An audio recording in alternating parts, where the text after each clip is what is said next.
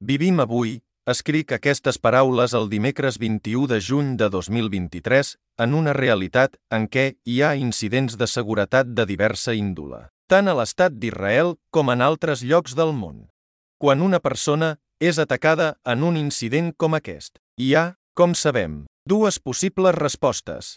Una és, per descomptat, lluitar amb els atacants, i la segona, fugir, excepte que quan es tracta d'una persona amb discapacitat que es troba una situació, molt sovint cap d'aquestes dues reaccions és possible, i així es crea una trampa mortal.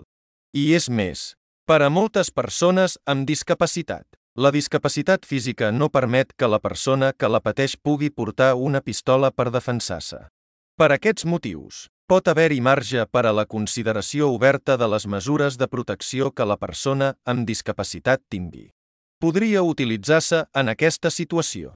I en el supòsit que aquesta mesura de protecció, si i quan es desenvolupa, també podria ser abusada per part d'alguns discapacitats perquè, contràriament als estigmes acceptats, una persona amb discapacitat no sempre ho és pobra amb quot o amb quot, una bona persona amb quot. També s'hauria de pensar en establir criteris sobre quines persones amb discapacitat tindran dret a rebre o utilitzar aquestes mesures de protecció i quines condicions.